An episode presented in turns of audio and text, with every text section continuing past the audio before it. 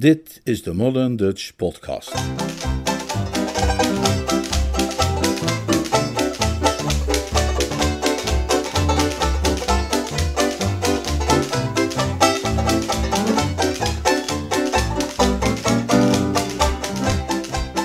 Een man van eer. Een Jeeves-roman van P.G. Woodhouse, The Code of the Woosters. Vertaald en voorgelezen door Leonard Beuger. There she is, there she is, there's what keeps me up at night. Oh gee whiz, oh gee whiz, there's why I can't eat a bite. Those flaming eyes, that flaming youth. Oh mister, oh sister, tell me the truth. Cause when I'm paddling, paddling home. Gee, when I'm paddling, Hoofdstuk paddling 5 Ik schot mijn hemd aan en hees me in mijn driekwart jeger. En Jeeves? vroeg ik. Hoe staat het ermee? Terwijl we het huis binnenliepen, had ik hem op de hoogte gesteld van de jongste ontwikkelingen en hem gevraagd die eens te overwegen met het oog op een oplossing. In de tussentijd liep ik de gang uit en nam een haastig bad. En nu staarde ik hem hoopvol aan als een zeeleeuw in afwachting van een haringje. Al iets kunnen bedenken, Jeeves? Nog niet, meneer. Het spijt me. Wat? Nog geen enkel resultaat? Geen enkel, meneer. Naar ik vrees. Ik kreunde teleurgesteld. Ik gleed in mijn pantalon. Ik was er zo aan gewend geraakt dat de geniale kerel op het geringste verzoek de meest fabelachtige ideeën uit de mouw wist te schudden, dat ik niet eens had overwogen dat het ook mogelijk kon zijn dat hij bij deze gelegenheid niets zou weten te produceren. Dat betekende nogal een schok. En het was dan ook met trillende handen dat ik de sokken om de voeten schoof. Een vreemd gevoel overviel me, alsof ik plotseling bevroren raakte, waardoor mijn lichamelijke en mijn geestelijke vermogens werden aangetast. Het was alsof zowel mijn handen als mijn hersenen in de ijskast waren gezet en daar een paar dagen vergeten. Het zou kunnen zijn, Jeeves, bedacht ik opeens, dat je nog niet het hele scenario precies voor ogen hebt. Ik heb je natuurlijk alleen nog maar een korte samenvatting kunnen geven daarnet, voordat ik even de bast ging schrobben. Misschien is het een goed idee als we eens doen wat ze altijd doen in detectiveboeken. Lees je wel eens detectiveboeken? Niet zeer regelmatig, nee. Nou, daar is altijd een passage in waarbij de speurder, om zijn gedachten te ordenen, een lijstje maakt van de verdachten en hun motieven, van de tijdstippen, de alibis, de aanwijzingen die hij heeft gevonden en noem maar op. Laten we dat eens proberen. Pak een spotlood en papier, Jeeves, dan zetten we alles netjes onder elkaar. Zet er maar boven Woester B, situatie van. Ja, ben je zover? Ja, meneer. Goed. Oké. Punt 1. Tante Dalia zegt dat als ik niet die roomkoe steel en aan haar overhandig, zij mij zal verbannen van haar tafel, dus geen maaltijden meer van Anatole. Ja, meneer. Dan komen we aan punt 2. Te weten, als ik die roomkoe inderdaad steel en aan haar overhandig, slaat Spood mij tot moes. Ja, meneer. Vervolgens, punt 3, als ik die roomkoe steel en aan haar overhandig in plaats van aan Harold Pinker, zal ik niet alleen het moesmakingsproces ondergaan als vermeld, maar zal bovendien Stiffy het notitieboekje van Gussie overhandigen aan Sir Watkin Bassett. En jij en ik weten wat daarvan het gevolg zou zijn. Kortom, zo zit het, zo staan de zaken. Heb je dat? Ja, meneer. Beslist een vrij ongelukkige situatie. Ik wierp hem een van mijn scherpere blikken toe. Jeeves, nu moet je het niet te bond maken. Niet op een ogenblik als dit. Een vrij ongelukkige situatie. Nu vraag ik je, wie was het ook alweer waar je het pas over had, op wie je hoofd alle zorgen van de wereld rusten? De Mona Lisa, nee. Nou, laat me dan dit zeggen. Als ik die Mona Lisa op dit moment tegenkwam, dan zou ik haar de hand schudden en met volle overtuiging zeggen dat ik precies wist hoe ze zich voelde.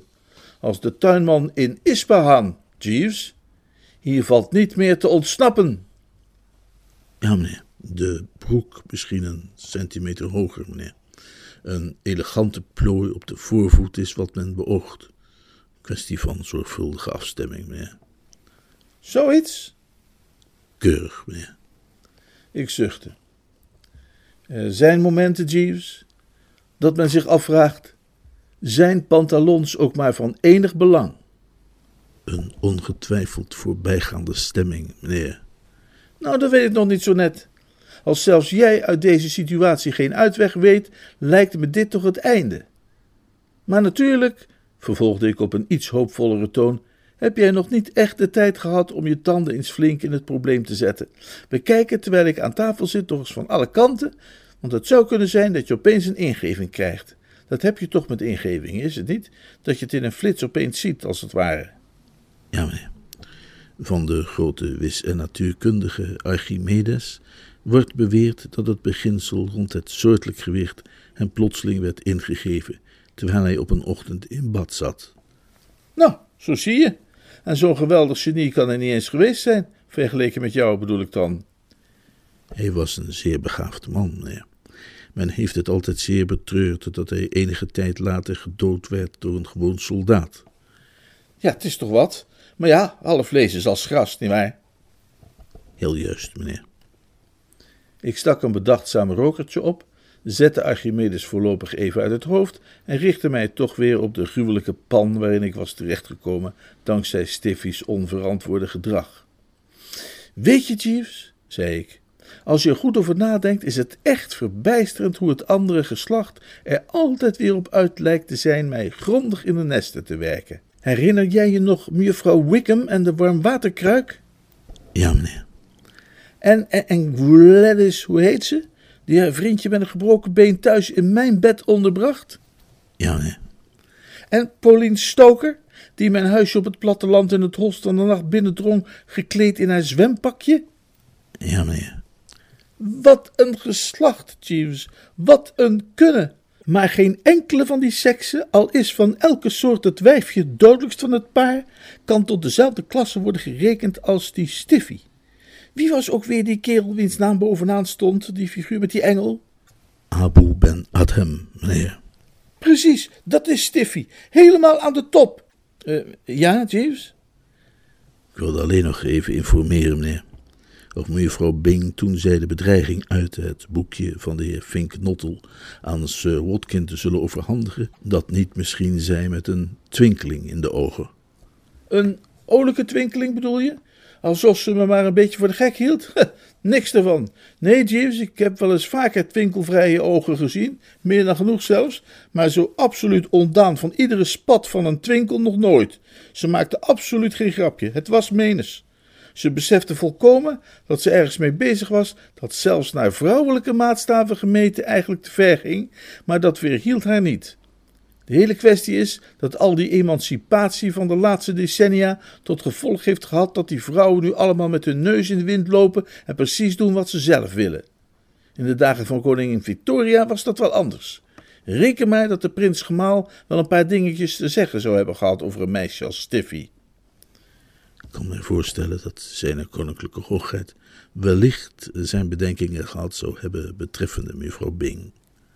Hij zou haar over de knie hebben gelegd voordat ze wist waar ze aan toe was en met zijn pantoffel tekeer zijn gegaan. En ik vraag me af of hij tante Dalia niet op dezelfde manier zou hebben aangepakt. Trouwens, nu ik het toch over haar heb, misschien moet ik maar even naar haar toe gaan om een praatje te maken met die bejaarde bloedverwant. Zij leek ten zeerste prijs te stellen op een onderhoud met u, meneer. Dat is dan geen wederzijds verlangen, Jeeves. Ik moet eerlijk toegeven dat ik allerminst naar een dergelijke seance uitzie. Nee, meneer. Nee, ik heb haar vlak voor de thee een telegram gestuurd, begrijp je, waarin stond dat ik niet van plan was om die roomkoe voor haar te stelen, maar zij moet uit Londen vertrokken zijn voordat dat telegram aankwam.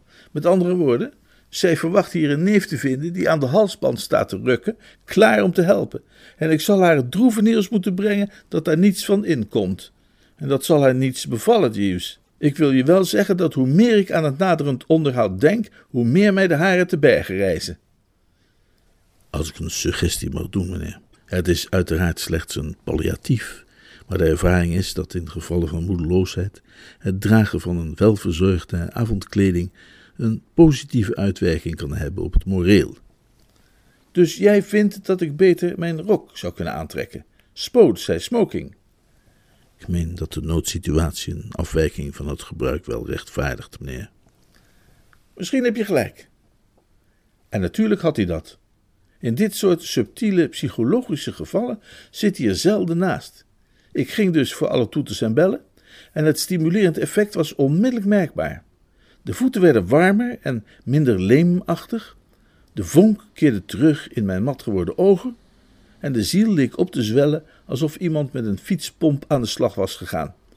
Ik bestudeerde juist het resultaat in de spiegel, kneedde met voorzichtige vingers nog even het witte strikje en overwoog intussen een aantal argumenten en uitdrukkingen die ik zou kunnen gebruiken wanneer tante Dalia misschien moeilijk ging doen, toen de deur openging en Gussie binnenkwam. Bij de aanblik van die bebrilde druif werd ik getroffen door een scheut van medelijden, want een enkele blik op hem was voldoende om mij duidelijk te maken dat hij nog niet op de hoogte was van het brekende nieuws. Zijn uiterlijk vertoonde geen enkel kenmerk van de ongelukkige die door Stiffy deelgenoot gemaakt is van haar plannen. Zijn uitstraling was monter en fris en ik wisselde een betekenisvolle blik met Jeeves. Mijn blik zei: Hij weet nog van niets. En die van Jeeves zei hetzelfde. Hey daar, zei Gussie. Hey daar. Hallo Jeeves. Goedenavond, meneer. En Bertie, hoe staat het ermee? Heb je gesproken? De scheut van medelijden werd heviger. Ik slaakte een verholen zucht. Het was mijn droeve taak deze oude vriend een substantiële kaakslag toe te brengen en daar schrok ik van terug. Maar ja, die dingen moeten nu eenmaal gebeuren. Een snede van het helende mes, zal ik maar zeggen. Ja, zei ik, ik heb haar gesproken. Jeeves, hebben wij ook cognac in huis? Nee, meneer. Zou je aan een slokje kunnen komen? Jazeker, meneer. Haal dan eigenlijk maar meteen een hele fles. Uitstekend, meneer. Hij smolt weg en Gussie staarde me aan met oprechte verbazing. Wat krijgen we nou? Je gaat toch vlak voor het diner niet zitten pimpelen? Nee, dat was ik ook niet van plan. Het is voor jou, als arme martelaar op de brandstapel. Maar ik drink helemaal geen sterke drank. Oh, maar deze wel, durf ik te wedden. En dan roep je daarna om meer. Ga zitten, Gussie. Wij moeten eventjes met elkaar praten. Ik dirigeerde hem in de richting van een luie stoel en opende een weinig boeiende conversatie over het weer en de huidige situatie in de land- en tuinbouw. Ik wilde hem niet met het slechte nieuws confronteren, zolang een verdovend middel nog niet onder handbereik was. Ik babbelde dus maar steeds door, terwijl ik probeerde in mijn houding een zorgzaamheid te leggen, waardoor hij al wat werd voorbereid op het allerergste. Al gauw merkte ik echter dat hij me wat vreemd begon aan te kijken. Bertie, volgens mij ben jij een beetje in de olie. Helemaal niet. Maar wat zit je dan raar tegen me te babbelen? Ik probeer alleen maar even de tijd op te vullen tot Jeeves terug is met, uh, je weet wel. Ha, ah Jeeves, dankjewel. Ik nam het boordevolle glas van hem aan en legde Gussie's vingers behoedzaam om de voet. Jij kunt tante Dalia maar even beter gaan duidelijk maken dat ik mijn afspraak met haar niet zal kunnen houden, Jeeves. Uh, dit hier gaat wel even duren. Uitstekend, meneer. Ik wendde mij tot Gussie, die mij zat aan te kijken als een volstrekt verdwaasde platvis. Gussie, zei ik, drink dat glas leeg en luister naar me. Ik ben bang dat ik slecht nieuws voor je heb over dat notitieboekje. Over dat notitieboekje? Ja. Je bedoelt dat ze het toch niet heeft? Daar zit hem nou net nou de kneep. Ze heeft dat boekje wel, maar ze gaat het aan pa Bassett geven. Ik had wel verwacht dat die mededeling hem nogal aan zou grijpen, en dat was ook zo. Zijn ogen verschoten als de bekende twee sterren en hij sprong op uit zijn stoel, waarbij de inhoud van zijn glas over het tapijt stroomde, zodat de kamer begon te geuren als een druk bezochte kroeg op zaterdagavond. Wat? Zo staan de zaken, vrees ik. Maar, oh lieve hemel. Ja. Dat meen je toch niet? Toch wel. Maar waarom dan? Zij heeft zo haar redenen. Ze beseft vast niet wat er dan zal gebeuren. O jawel hoor. Dat betekent het einde. Absoluut. O lieve hemel. Het is al vaak gezegd dat rampspoed en tegenslag altijd het beste uit een woester tevoorschijn weten te halen. Een wonderlijke kalmte daalde over mij neer. Ik legde een arm om Gussie's schouder. Houd moed, Gussie. Denk aan Archimedes. Hoezo? Archimedes werd gedood door een gewoon soldaat. Nou en? Wel, dat kan nooit erg aangenaam voor hem geweest zijn, maar ik twijfel er niet aan of hij stierf met een glimlach op zijn gezicht. Mijn onverschrokken houding had een weldadig effect. Hij kalmeerde enigszins. Ik zal niet zeggen dat wij nu helemaal de waardigheid vertoonden van een stel Franse aristocraten in de rij voor de guillotine, maar het kwam een eind in de richting. Wanneer heeft ze dat tegen je gezegd? Pas geleden, op het terras. En ze meende het echt? Ja. En ze had niet. Uh... Een twinkeling in haar ogen? Nee, geen twinkeling. Maar er is toch wel een of andere manier om haar tegen te houden? Ik had wel verwacht dat hij daarmee zou komen, maar het was een beetje vervelend dat hij dat ook werkelijk deed. Ik voorzag een lange, zinloze discussie. Ja, zei ik, er is wel een manier, want ze zegt dat ze van haar perverse voornemen af zal zien als ik die roomkoe van Pa Bassett voor haar steel. Bedoel je die zilveren koe die hij gisteren tijdens het diner liet zien? Precies, die. Maar waarom?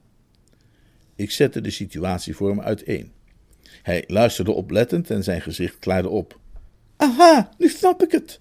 Ik begreep al niet wat haar bedoeling was. Het leek zo volkomen zinloos waar ze mee bezig was. Maar dat is dan in orde dus. Daarmee is alles opgelost. Ik vond het heel jammer om een domper te moeten zetten op zijn herwonnen levensvreugd. Maar het was niet anders. Nou, ik dacht het niet, want ik ben absoluut niet van plan om dat te doen. Wat? Waarom niet? Omdat Roderick Spoot heeft gezegd dat als ik dat doe, hij mij tot moes zal slaan. Wat heeft Roderick Spoot daar nu weer mee te maken? Hij heeft zich kennelijk opgeworpen als voorvechter van die roomkoe, ongetwijfeld als vriend en bewonderaar van de oude Bassett. Ah, maar Percy, jij bent toch niet bang voor Roderick Spoot? Ja, dat ben ik wel. Onzin, daar ken ik je veel te goed voor. Nee hoor, helemaal niet. Hij begon door de kamer te ijsberen. Maar Bertie, zo'n man als Spoot is toch helemaal niet iemand om bang voor te zijn? Dat is niet meer dan een massieve klomp vlees en botten. Die is vast zo traag als wat, die krijgt jou nooit te pakken. Ja, ik was ook niet van plan om tegen hem te gaan hardlopen. Bovendien hoef je hier toch niet te blijven? Je kunt er vandoor gaan zodra je dat klusje hebt geklaard. Stuur na het diner een briefje naar die predikant. Schrijf hem dat hij om middernacht klaar moet staan en doe je ding. Zo ziet de planning er volgens mij uit. Diefstal van roomkoe van pak een beet kwart voor twaalf tot half één. Zeg desnoods tien over half. Dan hou je wat speling voor eventualiteiten. Om kwart voor verplaatsing naar de stallen en starten van de auto. Tien voor één. Begin van snelle rit langs de grote weg naar vlekkeloze voltooiing van een eenvoudige klus. Ik begrijp niet waar je je zorgen over maakt. Het hele zaakje lijkt me kinderlijk eenvoudig. Maar het is min. Ga jij het niet doen? Nee. Hij liep naar de schoorsteen en begon te friemelen aan een porseleinen beeldje van een herderinnetje of iets dergelijks dat daar stond. Is het echt Bertie Woester die dit zegt? Jawel. De Bertie Woester die ik op school altijd zo heb bewonderd. De jongen die wij Bertie de Durf al noemden. Dat klopt. In dat geval rest mij geloof ik niets meer te zeggen. Nee. Enige wat we kunnen doen is dat boekje rechtstreeks terug te zien te krijgen van La Bing. Ja, en hoe wil je dat dan doen? Hij dacht na, frons in zijn voorhoofd. De kleine grijze cellen leken inderdaad in trilling te raken. Ik heb een idee. Luister, dat boekje is heel belangrijk voor haar, niet waar? Jawel. Dus, zal ze het dus wel bij zich dragen, net zoals ik deed? Dat denk ik ook. Bijvoorbeeld in haar kous gestoken. Waarschijnlijk zelf. Oké dus. Hoe bedoel je oké dus? Begrijp je dan niet waar ik heen wil? Nee. Nou, moet je luisteren. Jij zou gemakkelijk een soort vriendelijk stoeipartijtje met haar kunnen beginnen, als je begrijpt wat ik bedoel. En in de loop daarvan is het simpel genoeg om, nou ja, met iets van een speelse omhelzing. Ik riep hem scherp tot de orde. Er zijn nu eenmaal grenzen en wij woesters houden ons daaraan. Gussie, suggereer jij nu serieus dat ik aan Stiffy's benen zou moeten gaan zitten? Uh, ja, eigenlijk wel. Daar pieker ik niet over. Waarom niet? We hoeven ons niet te verdiepen in mijn motieven, zei ik stijfjes. Ik zeg je alleen heel duidelijk: dit nummer komt niet voor op de lijst. Hij keek mij aan met wijd open ogen, waarin een blik lag vol verwijt, zoals hij die zelf gekregen zou kunnen hebben van een stervende salamander, wiens water hij verzuimd had op gezette tijden te verversen. Hij ademde kort in met een scherp fluitend geluid. Jij bent inderdaad de jongen niet meer zoals ik die op school heb leren kennen, zei hij. Daar zie ik werkelijk niets meer van terug. Geen durf, geen initiatief, geen karakter. De alcohol neem ik aan. Hij zuchtte en brak het herderinnetje in drie stukken. We liepen naar de deur. Op de drempel wierp hij mij opnieuw een blik toe. Jij komt toch straks niet zo aan tafel, is het wel? Waarom ben jij in avondkostuum? Op aanraden van Jeeves, ter verhoging van het persoonlijk moreel. Maar dan zit je straks wel goed voor gek. Pa Bassett dineert in een fluwelen smokingjasje met overal soepvlekken. Ik zou me maar liever nog even verkleden. Er zat iets in wat hij zei. Een mens valt niet graag te veel op. Op gevaar af het moreel te schaden, draaide ik mij om ten einde mijn kledij te vereenvoudigen. Terwijl ik daarmee bezig was, steeg vanuit de salon het geluid op van een frisse, jeugdige stem, die onder pianobegeleiding iets ten gehore bracht wat alle kentekenen droeg van een oud Engels volksliedje. Het oor werd althans getroffen door een hoop hey nanny nanny en dat soort geluiden. Gussie's ogen begonnen als gevolg van dit kabaal verraderlijk te smeulen achter zijn brillenglazen. Het was alsof dit voor hem net even meer was dan een mens kon verdragen. Stephanie Bing, sprak hij bitter. Die durfde zingen op een moment als dit. Hij snoof en liep de kamer uit. Even later voltooide ik juist het strikken van mijn zwarte strikje toen Jeeves binnenkwam. Mevrouw Travers, kondigde hij aan op formele toon. Een o grote genade ontviel mij. Dankzij Jeeves' keurige aankondiging wist ik natuurlijk dat zij er aankwam. Maar ja, hetzelfde geldt voor de arme wandelaar die toevallig omhoog kijkt en ziet hoe iemand een bom op hem neerwerpt vanuit een vliegtuig. Hij weet dat het ding er aankomt, maar dat maakt het niet minder erg als het ding even later inslaat. Ik kon zien dat ze behoorlijk uit haar hum was. Ze had goed de P in, is wellicht een accuratere beschrijving, en ik haastte me haar beleefd in de richting van de fauteuil te loodsen en haar mijn excuses aan te bieden. Het spijt me ontzettend dat ik niet bij u langs kon komen, eerwaarde voorouder, zei ik, maar ik was in vergadering met Gussie Fink Nottel over een aangelegenheid die van groot belang is voor ons allebei. Sinds we elkaar de laatste keer gesproken hebben, hebben er zich nieuwe ontwikkelingen voorgedaan en mijn situatie is bijzonder netelig geworden, vrees ik. Je zou kunnen zeggen dat de hel trilt op zijn grondvesten. Dat is toch niet overdreven geformuleerd, is het wel, Jeeves? nee meneer. Ze wuifde mijn bezwaren weg met een enkel gebaar van haar hand. Dus jij hebt ook zo je probleempjes. Nou, ik weet niet wat die nieuwe ontwikkelingen van jou behelzen, maar in mijn situatie is er een nieuwe ontwikkeling gekomen die je gerust een stinker mag noemen. Daarom ben ik zo hals over kop hierin gekomen. We zullen razendsnel moeten handelen, want anders gaat er iets helemaal mis in huizen Travers. Ik begon me af te vragen of zelfs de Mona Lisa wel eens zo diep in de modder had gezeten als ik. Het was het een na het ander, wil ik maar zeggen. Ja, maar wat is er dan aan de hand, vroeg ik. Wat is er gebeurd? Even leek het of ze zou stikken, maar toen lukte het haar om een enkel woord uit te brengen. Anatol! Anatol? Ik greep haar koortsige hand en drukte die troostend. Vertel me het hele verhaal, arme ziel, zei ik. Waar heb je het in hemelsnaam over? Wat is er met Anatol? Als we niet razendsnel zijn, raken we Anatol kwijt. Het was alsof een kille hand mijn hart omvaamde. Raken we Anatol kwijt? Ja, En als u zijn salaris verdubbelt?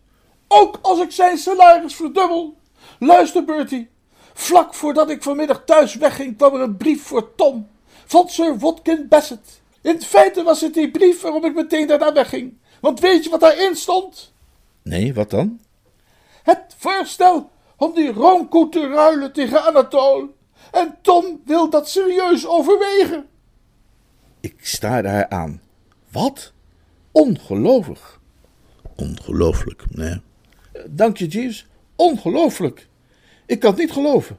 Oom Tom zou daar toch nooit ook maar één seconde over peinzen. Oh nee, je hebt geen idee. Herinner jij je Pomeroy, de butler die we hadden voor Seppings? Dat zou ik denken. Geweldige kerel. Onvolprezen. Een parel. Ik heb nooit begrepen waarom u die man destijds hebt laten vertrekken. Tom heeft hem geruild met de Bessington Copes voor een balustervormige chocoladepot op drie gerolde pootjes. Ik worstelde met een groeiende vertwijfeling. Maar die oude gek, sorry, om Tom wilde ik zeggen, zou toch nooit Anatol op zo'n manier willen verpatsen? Oh ja, doodleuk hoor. Ze stond op en dwaalde rusteloos in de richting van de schoorsteenmantel. Ik kon zien dat ze op zoek was naar iets om stuk te kunnen gooien als een middel ter verlichting van haar kolkende emoties. Jeeves zou het een palliatief noemen. En ik wees haar beleefd op een aardewerken beeldje van de jonge Samuel in gebed. Ze bedankte me met een kort knikje en wierp het tegen de muur. Ik zeg je, Bertie, een werkelijk geschifte verzamelaar gaat door roeien en ruiten om te krijgen wat hij hebben wil. Wat Tom er letterlijk bij zei toen hij mij die brief liet lezen, was dat hij pa Bassett met het grootste genoegen levend zou vullen om hem daarna persoonlijk in een vat kokende olie te gooien, maar dat hij jammer genoeg geen andere mogelijkheid zag dan op zijn voorstel in te gaan. De enige reden dat hij Bassett niet meteen bericht heeft gestuurd dat hij zijn aanbod aannam, was dat ik hem zei dat jij speciaal naar Totley bent gegaan om die roomkoe te stelen en dat hij hem elk ogenblik in handen kon hebben. Hoe staat het ermee op dat punt, Bertie? Heb je je plannen gereed? Alles gewassen en gestreken? We kunnen ons niet permitteren tijd te verliezen. Elke seconde is kostbaar. Ik voelde mijn knieën in een gummi veranderen. Ik begreep dat ik nu met mijn nieuws zou moeten komen en ik kon alleen maar hopen dat het goed zou aflopen. In geagiteerde toestand kan mijn tante bepaald angstaanjagend zijn en het lot van de jonge Samuel lag mij nog vers in het geheugen.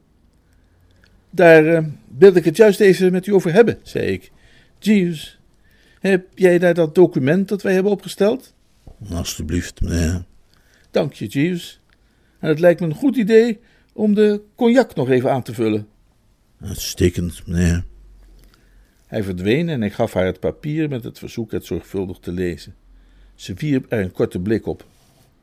Wat is dit allemaal? Dat zult u dadelijk zien. Let op wat er erboven staat. Woester B. Situatie van. Dat zegt het eigenlijk al. Die lijst maakt duidelijk, zei ik, terwijl ik een pas achteruit deed en me gereed hield om te bukken, waarom ik absoluut moet weigeren die roomkoe voor u achterover te drukken. Wat?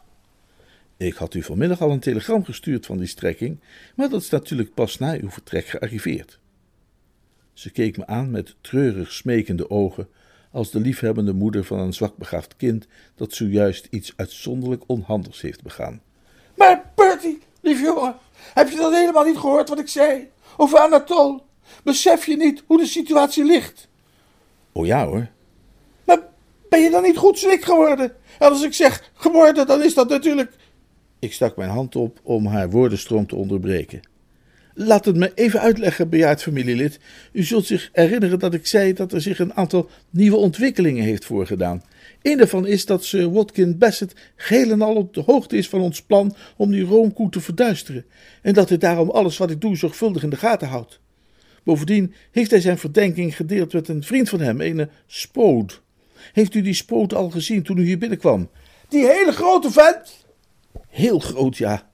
Hoewel superkolossaal misschien meer het mot juste is. Maar goed, Sir Watkin heeft dus zijn verdenking aan Spoot meegedeeld. En die heeft mij vervolgens persoonlijk bezworen dat als die roomkoe op wat voor manier dan ook verdwijnt, hij mij tot moes zal slaan.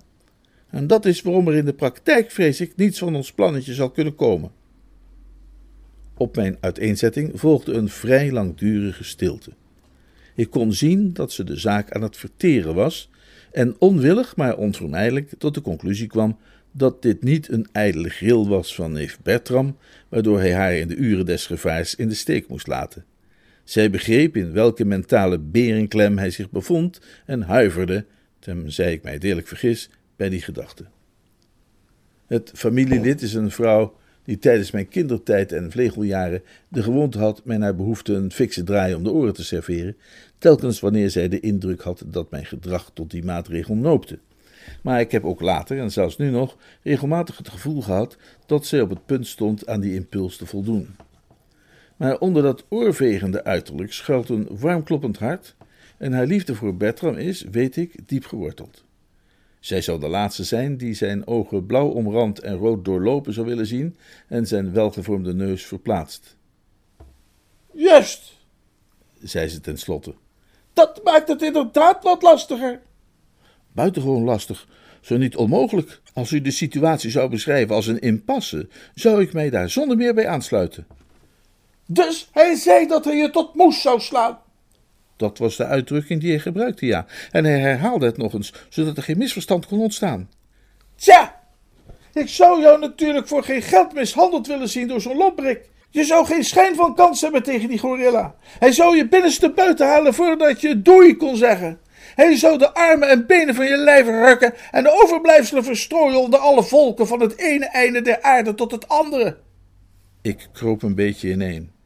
U hoeft er nu ook weer geen heel toneelstuk van te maken, mijn brave vlees en bloed. Weet je zeker dat hij meende wat hij zei? Heel zeker. Maar blaffende honden bijten doorgaans niet. Ik zie waar u heen wilt, tante Dalia. Nog eventjes en dan gaat u me vragen of hij niet een twinkeling in zijn ogen had toen hij dat zei. Maar die had hij niet. Het plan van aanpak zoals Roderick Spoot dat uitstippelde tijdens ons jongste onderhoud, is het plan van aanpak dat hij gaat doorzetten en uitvoeren. Dan zitten we in het schip. Tenzij Jeeves iets weet te bedenken. Ze richtte zich tot de man zelf, die juist binnenkwam met de cognac en geen moment te vroeg. Ik begreep niet waarom hij daar zo lang over had gedaan. Wij hadden het even over de heer Spoot, Jeeves. Ja, mevrouw. Jeeves en ik hebben al over het spootgevaar gesproken, zei ik somber. En zelfs hij moest toegeven geen oplossing te zien. Ditmaal schiet ook zijn hersencapaciteit tekort. Al zijn gepeins heeft geen soelaas geboden. Tante Dalia had haar cognac dankbaar achterover geslagen en een bedachtzame blik verscheen nu in haar ogen. Weet jij wat me er zojuist te binnen schiet? vroeg ze.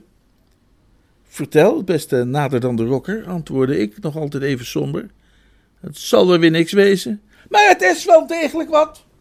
Misschien is het wel de oplossing. Luister, ik vroeg mij af of die spoot niet het een of ander duister geheim heeft. Weet jij niet iets van hem, James? Nee, mevrouw. Hoe bedoelt u, een duister geheim? Nou, wat bij me opkwam was de vraag of hij niet een of andere zwakke plek heeft waar we nou op kunnen grijpen en te drogen hangen. Ik weet bijvoorbeeld nog dat ik als jong meisje eens heb gezien dat mijn gouvernante zich liet kussen door oom George. Het was verbazingwekkend hoe handig dat van pas kwam als er later wel eens sprake van was dat ik zou moeten nableven of strafregels schrijven. Snap je wat ik bedoel? Stel bijvoorbeeld dat wij wisten dat hij wel eens een vos had geschoten of zo. Of vind je dat niks? Dat laatste vroeg ze omdat ze zag dat ik de lippen wat twijfelachtig tuitte. Ja, het idee snap ik wel, ja. Maar het lijkt me één manko te hebben, namelijk dat we niet zoiets van hem weten. Ja, dat is waar. Ze stond op. Ja, het was ook maar zo'n gedachte. Ik dacht, ik roep het even. Maar ik denk dat ik nu dan maar even naar mijn kamer ga mijn slapend te met eau de cologne. Mijn hoofd voelt aan alsof het elk moment uit elkaar kan spatten als een splinterbom. De deur viel achter haar dicht. Ik zakte neer in de stoel die zij zojuist had verlaten en wiste me het zweet van het voorhoofd. Dat is tenminste achter de rug, zei ik dankbaar.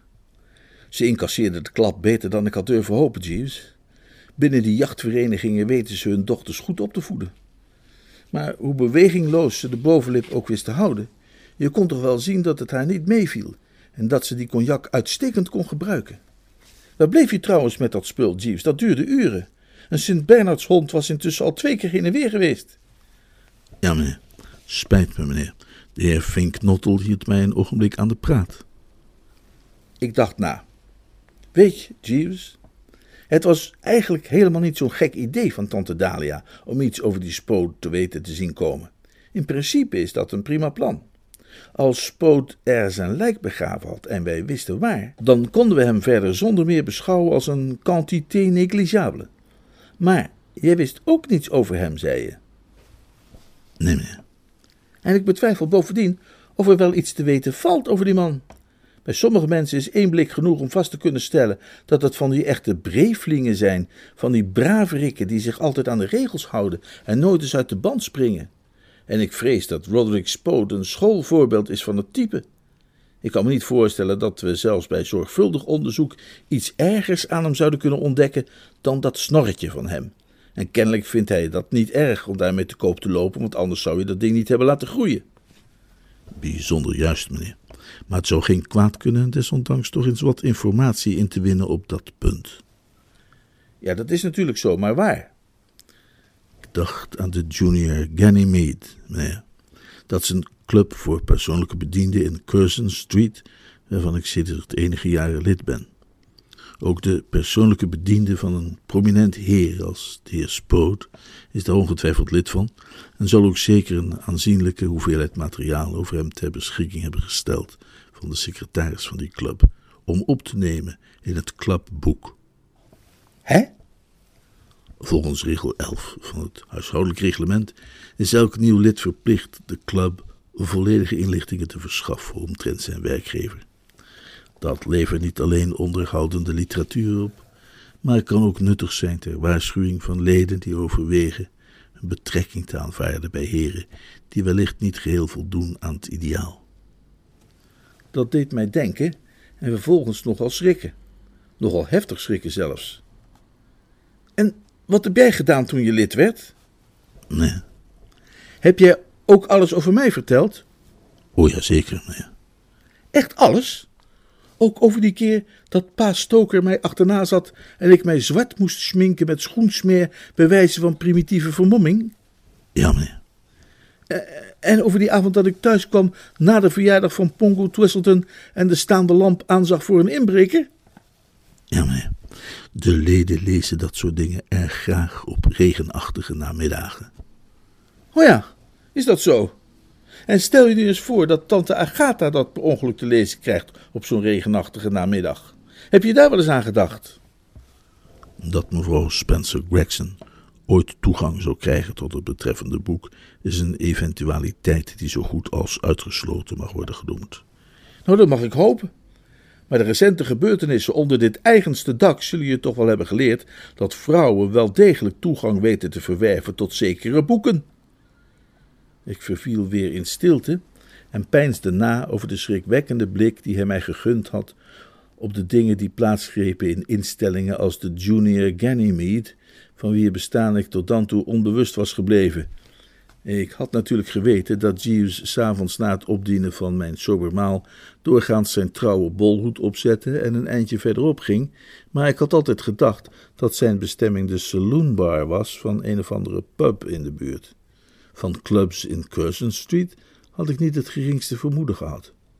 Nog minder had ik er enig vermoeden van gehad dat een aantal van de sappigste van Bertram Woosters waarschijnlijk volkomen verkeerd beoordeelde acties waren opgetekend in een boek.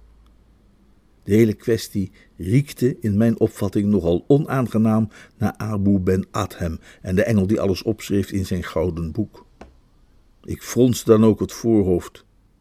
Hij scheen evenwel weinig aan te verhelpen, dus ik keerde terug tot, om met agent Oates te spreken, waar het om ging. En wat is dan nu jouw idee? Naar de secretaris gaan en vragen om informatie over Spoot? Inderdaad, meneer. En denk je dat hij je die informatie gaat geven? O ja, zeker, meneer. En wil je nu zeggen dat hij dat soort gegevens, dat, dat soort buitengewoon gevaarlijke gegevens, gegevens die een ramp zouden kunnen veroorzaken als ze in de verkeerde handen zouden vallen, zomaar verstrekt aan iedereen die erom vraagt? Uitsluitend aan leden, meneer. Hoe snel kun jij die man bereiken? Ik zou nu dadelijk telefonisch contact met hem kunnen opnemen, meneer. Nou, doe dat dan, Jeeves. Bel hem liefst op kosten van Sir Watkin Bassett. En laat je niet van de wijs brengen als je de juffrouw hoort zeggen: Nog twee minuten. Blijf gewoon aan de lijn. Al loopt de rekening nog zo hoog op. Zorg dat de secretaris begrijpt en bliksems goed begrijpt dat in deze omstandigheden hulp en bijstand wordt verwacht van alle mensen van goede wil. Ik denk hem er wel van te kunnen overtuigen dat het om een noodgeval gaat, meneer. Als het niet lukt, verwijs hem dan naar mij. Uitstekend, meneer. Hij vertrok om zijn liefdadig werk te gaan verrichten. O, tussen haakjes, Jeeves, zei ik, terwijl hij de deur uitging. Zei je nu dat je met Gussie had gepraat? Ja, meneer. En had hij nog nieuws te melden? Ja, meneer. Het schijnt dat zijn relatie met mevrouw Bassett tot een eind is gekomen. De verloving is verbroken. Hij vloeide de kamer uit en ik sprong een meter de lucht in. Dat is een hele tour als je in een fauteuil zit, maar ik kreeg het voor elkaar. Jeeves! krijste ik. Maar hij was verdwenen. Geen spoor bleef van zijn ijle spel. Van beneden weer klonk het plotselinge luiden van de gong voor het diner. Sweet, sweet sweet, sweet.